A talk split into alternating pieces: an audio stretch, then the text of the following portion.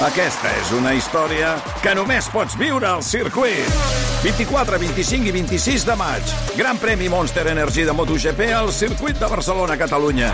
Compra ja les teves entrades a circuit.cat. Viu-ho!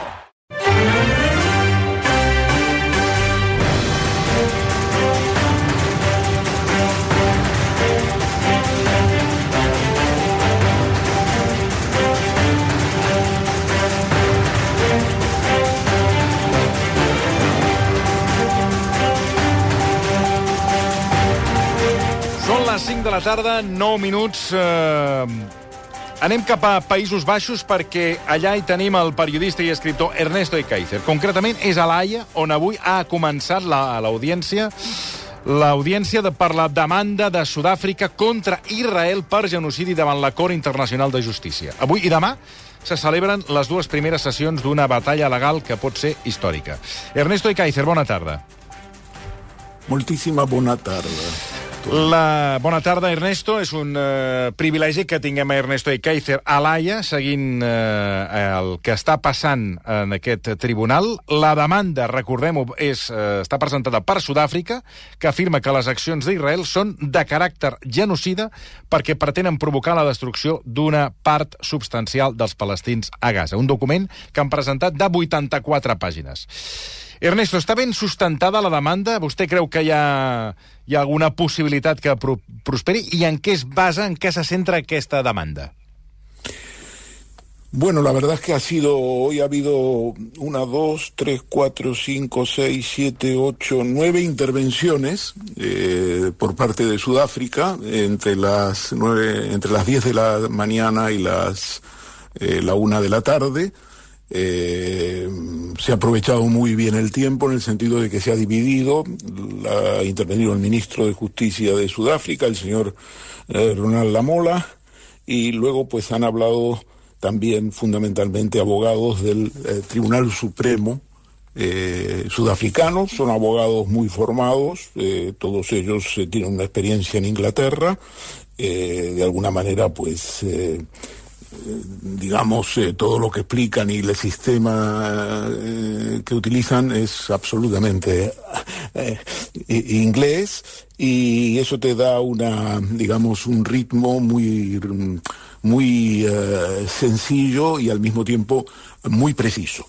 yo creo que la exposición del caso, que ha sido acompañada de fotografías y de algunas filmaciones, limitadas, porque la Corte ha pedido eh, el Tribunal Internacional de Justicia ha pedido que, bueno, que se limite, digamos, la presentación a los temas centrales, porque aquí no se discute si eh, es un genocidio o no es un genocidio. Aquí lo que se discute es si los actos tienen la apariencia o tienen los elementos que son típicos del genocidio, aunque el tema de fondo, si es genocidio o no, eh, deba ser eh, elucidado a lo largo de otras sesiones. Lo que aquí se discute son medidas cautelares. Es una uh, audiencia que es de dos días. Hoy ha hablado Sudáfrica, mañana va a hablar Israel y eh, eh, lo que se discute es si hay bases eh, en la Convención contra el Genocidio, si hay bases en lo que se está pasando en Gaza para declarar esas medidas de carácter urgente porque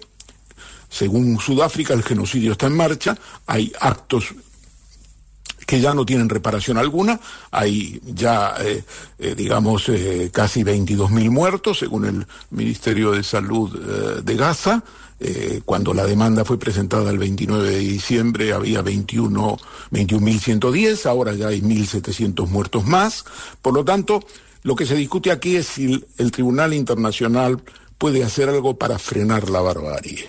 Y para frenar la barbarie no tiene que llegar a la conclusión de que es genocidio, sino simplemente que los actos suponen el masac la masacre de la población de Gaza, aunque luego se pueda discutir si es eh, intención de genocidio, si es genocidio real, si eh, es un crimen eh, de guerra, si es un crimen contra la humanidad y tal. La tesis de Sudáfrica es que con independencia de si es un crimen contra la humanidad, un crimen de guerra, o que si viola la Convención de Ginebra de los años, de los finales de los años 40, eso no excluye el genocidio. Y yo creo eh, mm, que la demanda está muy bien fundada porque es una demanda muy eh, hecha de manera no sensacionalista. No han hecho una, eh, digamos, una exposición de una situación que es tan dramática que se daba, digamos, elementos para el sensacionalismo y la digamos, y apelar a la sensibilidad de los 15 eh, magistrados que conforman el Tribunal Internacional de Justicia, que es el Tribunal de la ONU, ¿no? Es el Tribunal de la ONU. Entonces lo que han hecho es una exposición muy sistemática, muy insistente sobre los hechos y cómo esos hechos eh, vienen a cuento para un debate entre Sudáfrica e Israel. La convención eh, de genocidio está firmada por ambos países. Israel la firmó en el año 1950 y entró en ejercicio en el año 1951. Todo país que firma la Convención contra el Genocidio, como lo hizo España en su día, es un país que asume una obligación. La obligación no es solo que no debe cometer, obviamente, genocidio, sino que debe velar porque otros países no lo cometan o las intenciones de cometer eh, genocidio sean frenadas mediante precisamente una denuncia como esta. En otros términos, cuando firmas una convención, no solo estás obligado a cumplirla, sino a hacer que los demás la cumplan. Ese es el sentido de la ley internacional. Entonces, lo que ha hecho mm, distintos abogados, algunos de ellos británicos, es explicar cómo eh, hay un conflicto entre Israel y Sudáfrica, porque mucha gente puede preguntarse, ¿Y por qué Sudáfrica presenta una demanda? Bueno, Sudáfrica forma parte de la ONU y es parte de la eh, Convención contra el Genocidio y por lo tanto ha asumido esa obligación.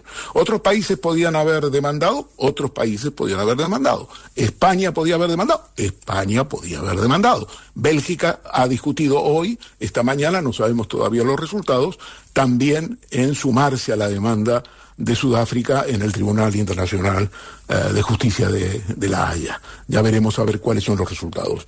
La pregunta que usted me hace es una pregunta muy concreta. ¿Está bien fundamentada? Y le voy a contestar con el argumento fundamental que han dado eh, los abogados hoy. Es que los hechos hablan por sí mismos. Es necesario explicarlos, es necesario explicarlos. Pero han muerto ya 22.000 más de 22.000 personas, 1.500 más que cuando Sudáfrica presentó la demanda el 29 de diciembre pasado. Eh, la mitad o el 70% de los muertos son niños. Los ataques son ataques que según Sudáfrica son deliberados, son contra la población civil. El gobierno de Israel identifica a Hamas con los palestinos. No es que ha ido a por Hamas, es que va por los palestinos. Este es el sentido de la demanda de genocidio de Sudáfrica. Y eh, he de decirle que a mí me pareció que los jueces, por cómo seguían la demanda y las medidas cautelares que está pidiendo eh, Sudáfrica, eh, yo le diría que por la actitud de los jueces, por la cara de los jueces, este es un tema que está prácticamente sentenciado. Ahora usted me preguntará, qué va a pasar. y eh, ya esto es una cosa distinta. Yo creo que habrá medidas cautelares. Pero el problema, Tony, el problema aquí es que esas medidas cautelares que tienen que ser urgentes y que por lo tanto la presidenta del tribunal, que es una jueza norteamericana, ha dicho que tienen que ser inmediatas, una vez que eh, mañana Israel dé sus explicaciones, eh, el problema es que cualquier medida cautelar que no sea el cese de la acción militar de Israel en Gaza, es como si fuera nada. Exacte. ¿Por qué? Porque puedes decir que Israel no tiene que obstaculizar o tiene que agilizar la ayuda humanitaria, que Israel no puede cerrar el grifo del agua, que Israel no puede cortar la luz, que Israel no puede cortar Internet, pero es que Israel es la potencia ocupante, es una, una potencia beligerante y ocupante desde el punto de vista del derecho de la Convención de Ginebra. Entonces, desde esa perspectiva, Si tú tomas medidas cautelares que se dirigen a garantizar el suministro eh, de agua, la, comida, eh, la entrada de camiones, todo eso depende de Israel. ¿Por qué? Porque ellos controlan la entrada y la salida por tierra, mar y aire. Es decir, Gaza es un territorio ocupado y la responsabilidad de ese territorio ocupado, desde el punto de vista de la Convención Internacional, es de Israel. Entonces, una medida provisional, eh, cautelar, que obligue a Israel, digamos, a facilitar la ayuda humanitaria, sería una medida positiva, pero ¿y la ofensiva militar? Vamos a dejar que sigan matando gente de manera brutal. Vamos a dejar que destruyan las casas. Prácticamente Gaza está destruida. No es que, eh, digamos, eh, eh, digamos, estamos lejos, por ejemplo, de lo que fue el bombardeo aliado a Dresde y algunas otras ciudades alemanas. Es que eso ya está consumado. Ya Gaza es un erial. Lo han destrozado identificando al pueblo palestino con Hamas. Y han elaborado una teoría para eso que mañana la van a explicar. Y es que ellos consideran que Hamas es el mal y que para extirpar el mal, esto son daños colaterales. En cambio, Sudáfrica lo que dice, no, no, no son daños colaterales. Vosotros lo que queréis es destruir al pueblo palestino o a una parte de él. Fíjese un detalle, Tony. Hoy han explicado que ya prácticamente no puede haber nacimientos y hay, eh, digamos, las mujeres que están embarazadas no pueden parir y han perdido muchísimos niños. Y claro, esto es muy interesante porque eh, el genocidio en esta línea consistiría en que Israel no puede tolerar que en algún momento la población palestina de Gaza y Cisjordania sea mayor que la población total de Israel.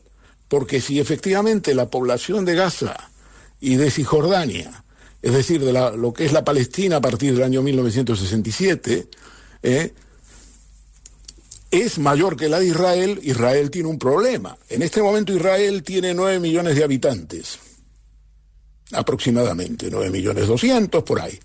Y eh, los palestinos en estas zonas de Gaza y eh, Cisjordania tienen casi 5 millones. Es decir, estamos hablando de una diferencia importante. Pero aquí en estas eh, sumas y estas cifras frías hay que incorporar a todos los aquellos que están en el exterior y que no se les deja volver a Palestina y que ya desde el año 48 fueron expulsados. Israel no deja volver a estas personas al territorio eh, que consideran de Israel ni al territorio de Gaza y Palestina. Y por lo tanto ellos son una población fluctuante, no sabemos cuánto es, pero es una cantidad relativamente importante. Por lo tanto, viendo al, yendo al punto de partida, lo que la política de impedir nacimientos podría ser perfectamente encuadrada en una política de genocidio. Impedir que la población palestina en algún momento sea equivalente a la población eh, judía, a la población israelí, y por lo tanto plantee un problema. Un problema en el sentido de que, eh, evidentemente, eh, digamos, eh, supone, desde el punto de vista del espacio geográfico, una, eh, digamos, una situación eh, peligrosa para Israel. Entonces, estamos en estos detalles que son muy importantes, pero que en este momento no van a impedir que el tribunal tome una decisión. Que el tribunal va a tomar decisiones contra Israel es evidente. medidas precautorias porque las ha tomado en otros casos, como puede ser los casos de genocidio de Gambia y Myanmar, eh, la denuncia de Ucrania en la ONU, pero fíjese, la denuncia de Ucrania en la ONU en el año 2022, eh, ellos plantearon el cese de la invasión rusa y no pasó nada. Y no pasó nada. Rusia tiene veto en el Consejo de Seguridad de Naciones Unidas y por lo tanto hizo eh, lo que quiso, es decir, no hizo caso. Por lo tanto, medidas cautelares, Tony, va a haber. Y lo que es muy importante, a mi juicio, de, lo de, la sesión de hoy y la sesión de mañana, es eh, que la población mundial empieza, digamos, a tomar mucho mayor conciencia de la que había sobre Palestina. La, yo le hablo también como, por así decirlo, como un paria judío, como decía Ana Arendt. Eh, quiero decir, eh, mis orígenes son judíos, mi educación es judía, y toda la, digamos, el, holocausto y toda la, el desastre que supuso para la humanidad, eh, digamos, el, el asesinato en cámaras de gas de 6 millones de judíos, pues queda una situación muy peculiar. Hay muchos amigos míos que dicen, bueno, ya, pero es que el antisemitismo, el antisemitismo. Bueno, aquí el tema del antisemitismo no es el tema central. Eh, en eh, Israel dicen que jamás mató a 1.200 personas eh, porque eran judíos. Bueno, eso es una interpretación, pero en principio jamás no dice que ha matado a esas personas porque eran judíos, dice que son ocupantes de Israel, son, ocupan un territorio que ellos consideran antiguamente suyo. Por lo tanto, no es un problema racial, un problema de religión tampoco. Entonces, lo que tenemos aquí es una situación donde Israel mañana va a enfatizar, ya lo está haciendo, que eh, Sudáfrica es el brazo legal de Hamas.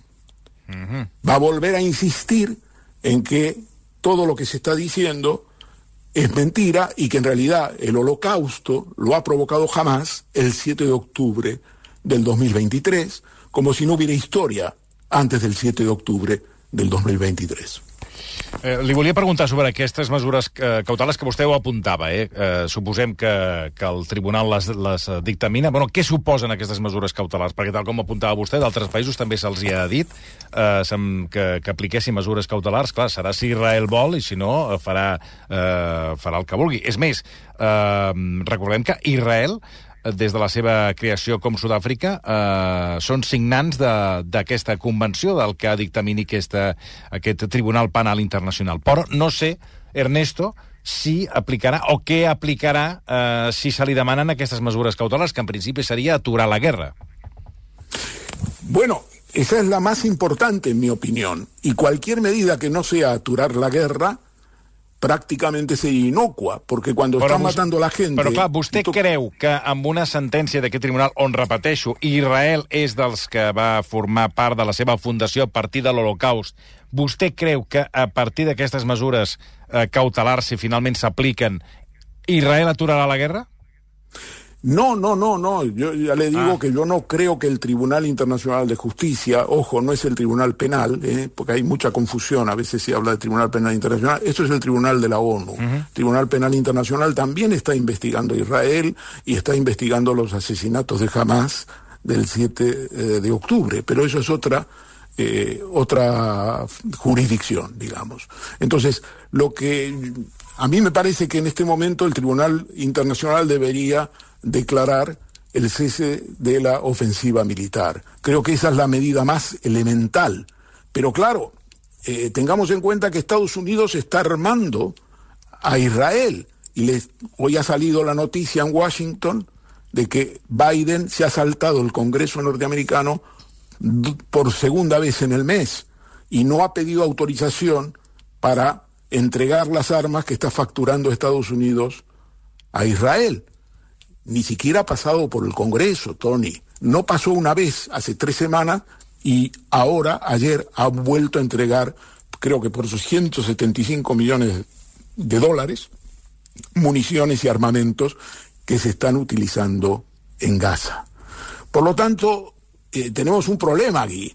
Eh, eso lo hablaba yo hoy con Jean-Luc eh, Mélenchon y con Jeremy Corbyn. Mélenchon, que es, como usted sabe, el dirigente máximo de la, de la Francia insumisa, que es la oposición de izquierda al gobierno de, Macron, y un, digamos un partido que ha obtenido una representación parlamentaria muy importante, claro, estaba muy emocionado porque me decía, oye, las Naciones Unidas al final es fundamental, eh, todo parecía que era irrelevante, irrelevante, pero dice, la sesión de hoy ha sido formidable. ¿Qué pasaría si no existiera este Tribunal de las Naciones Unidas? ¿Cómo se enteraría todo el mundo de lo que está pasando? Estaba realmente emocionado el hombre. Fíjese, ¿no? Una persona muy de izquierda que ahora eh, reivindica el papel de las Naciones Unidas. Y yo creo que tiene que ver, Tony, y esto es importante reconocerlo, con el papel del secretario general Antonio Guterres, que ha hecho una labor de denuncia y ha venido a decir, oiga, Israel, ustedes están cambiando, están vendiendo una milonga. Ustedes dicen que aquí todo esto empezó el 7 de octubre y por más que ha habido asesinatos injustificables el 7 de octubre con la entrada de los milicianos de Hamas en Israel, por más que haya habido eso, toda la historia anterior, los antecedentes anteriores, que precisamente hoy se han tratado en el tribunal, indican que las operaciones de Israel en Gaza el bloqueo declarado desde el año 2005, cuando se retiraron, consiste en asfixiar al pueblo palestino con el argumento de jamás. Pero en realidad se trata de asfixiar al pueblo palestino y ganar espacio y terreno eh, para Israel. Fíjese otro elemento que es interesante. Desde el 7 de octubre se han eh, asesinado a 295 eh, palestinos en la zona de Cisjordania. ¿Qué importancia tiene esto? Que en Cisjordania no domina jamás. Los representantes de Cisjordania es la autoridad nacional palestina. Ahí no hay el argumento de que jamás es un grupo terrorista y por eso hay que cargarse a la gente. Es decir, la posición de Israel es incómoda, pero ya han salido hoy el Ministerio de Justicia israelí, los que estaban allí, eh, a, la izquierda de los que exponían los argumentos, y han dicho que Sudáfrica, fíjese Tony lo que han dicho, por escrito, ¿eh? Sudáfrica es el brazo legal de Hamas. El brazo legal de Hamas, Sudáfrica.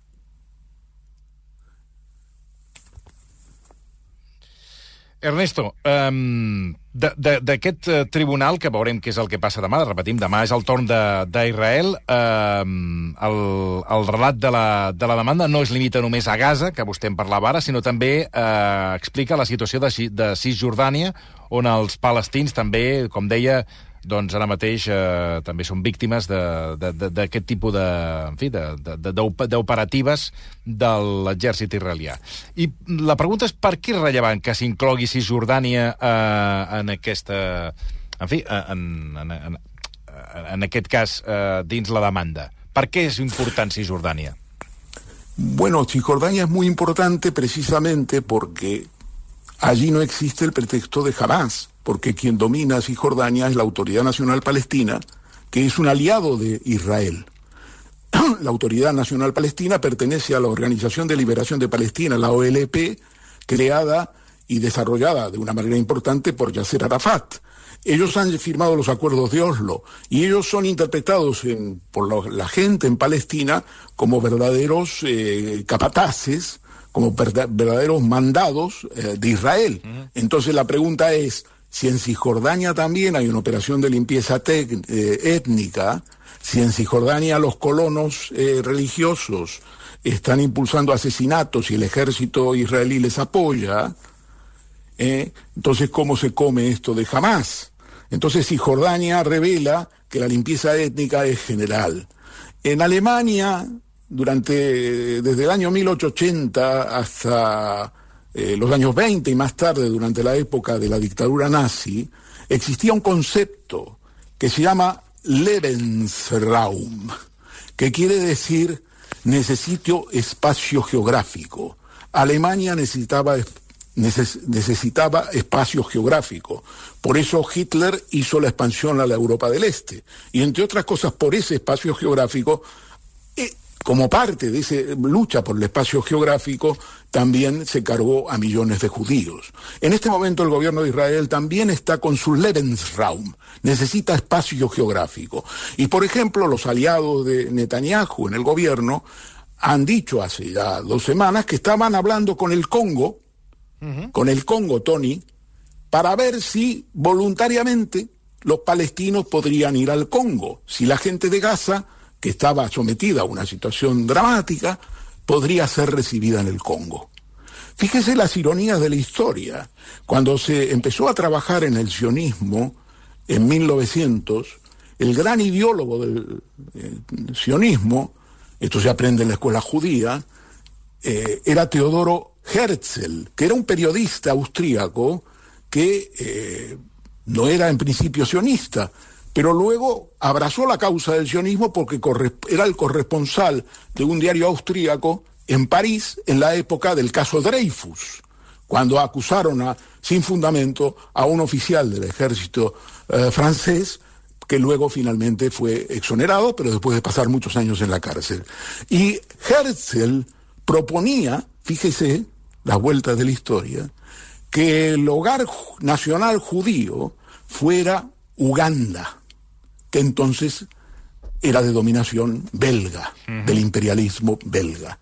Ahora, los aliados de Netanyahu en el gobierno de Israel están haciendo gestiones, han hecho gestiones y se ha anunciado para que muchos palestinos se les dé la oportunidad de irse al Congo. esta historia que le cuento yo parece realmente de ficción, pero esta es la realidad. Entonces, eh, yo creo que lo primero, Tony, es muy importante que el público, que nuestro público mm. comprenda. En el periódico, el director Alberto Sáez, pues me ha encargado de hacerme caso del caso, cree que esto es un tema histórico, yo creo que es histórico, eh, nunca me hubiera imaginado yo mismo, como paria judío, entre comillas, eh, poder estar cubriendo esto. Mire, yo cubrí el caso Pinochet en Londres durante dos años.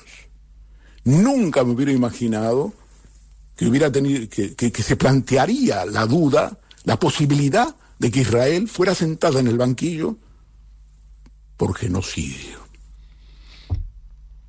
Um, Bé, demà, com dèiem, segona part, demà estarem molt pendents d'aquesta segona part. No sé si vol afegir alguna cosa més, perquè també m'agradaria parlar del, del que ha passat en aquest inici de legislatura, Ernesto.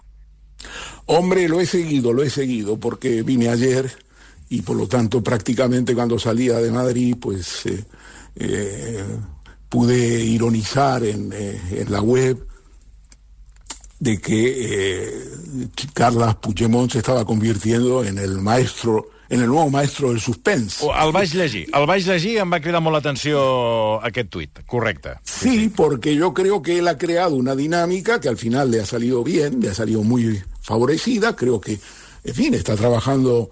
Eh, Miriam Nogueras decían que era un soldado de Puigdemont.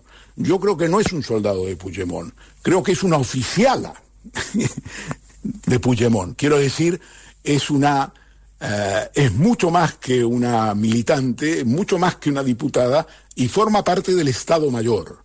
¿eh? porque me da la impresión de que ha manejado esta crisis de una manera eh, muy, muy sabia, muy inteligente, y el gobierno ha quedado, en fin, como la chata, ha quedado realmente fatal. Uno se pregunta por qué en este país, supongo que usted se lo habrá preguntado también, hay que hacer decretos ómnibus. ¿Por qué?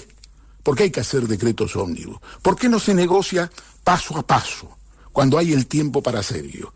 ¿Por qué no se negocia de una manera discreta? Como le diré también, le diré también que entre esta batalla que ha ganado Puigdemont, notablemente, eh, lo ha vendido muy bien. Después ya intentaremos iremos a la letra pequeña y ya veremos lo que queda. Pero desde el punto de vista político, no cabe la menor duda que la pulseada eh, la ha vencido él. Pero le diré otra cosa, es que me ha decepcionado profundamente o me ha impactado. Y es que Esquerra Republicana de Cataluña sí. proteste o diga que va a elevar una protesta o trasciende que va a elevar una protesta a Pedro Sánchez porque Junts ha negociado con Pedro Sánchez y ellos no lo sabían. Y entonces Bolaños ahora es acusado de hacer doble juego. Hombre, eh, yo puedo comprender el cabreo de Esquerra Republicana de Cataluña.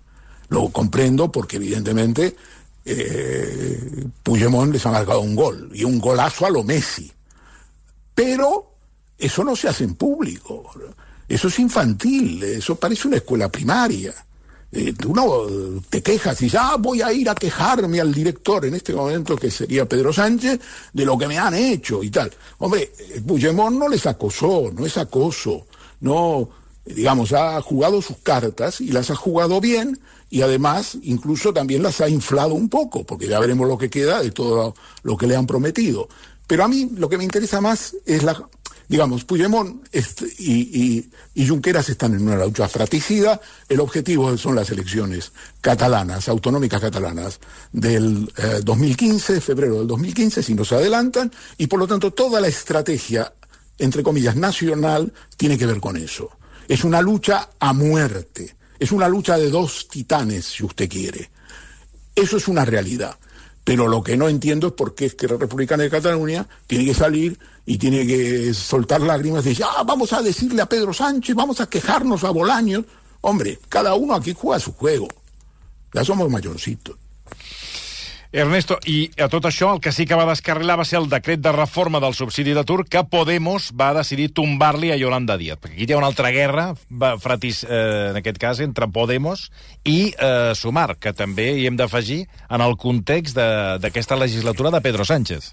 Así es, así es. Yo creo que fíjese que al final de la historia los malos malos han sido los de Podemos. Exacte. Porque los de Podemos han tumbado efectivamente una, un, una, un decreto que había sido elaborada por Yolanda Díaz y que también tiene que ver con esa lucha fratricida, de la misma manera que Esquerra y Junts, ahora tenemos a Podemos con Sumar. Es decir, todo es una escalada y me da la impresión de que eh, esto lo vamos a vivir, que ya lo hemos hablado al comienzo, a lo largo de toda la legislatura.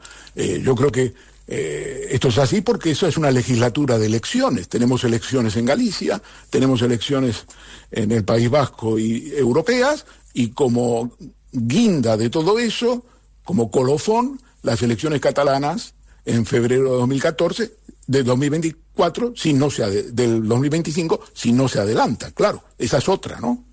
Sí, que per cert, eh, hi ha una certa rumorologia de que es podrien avançar. Veurem què passa, però... Tal sí, sí, también. Ahora, yo también quería decirle una cosita al hilo de esto, y es que yo le dije, eh, y me reivindico, que Puigdemont no estaba en la pelea autonómica que Puigdemont sí. estaba ya por encima sí, de eso. Correcte. Y que desde luego en las elecciones europeas él se va a presentar y que su papel él lo ve de Europa, en Europa.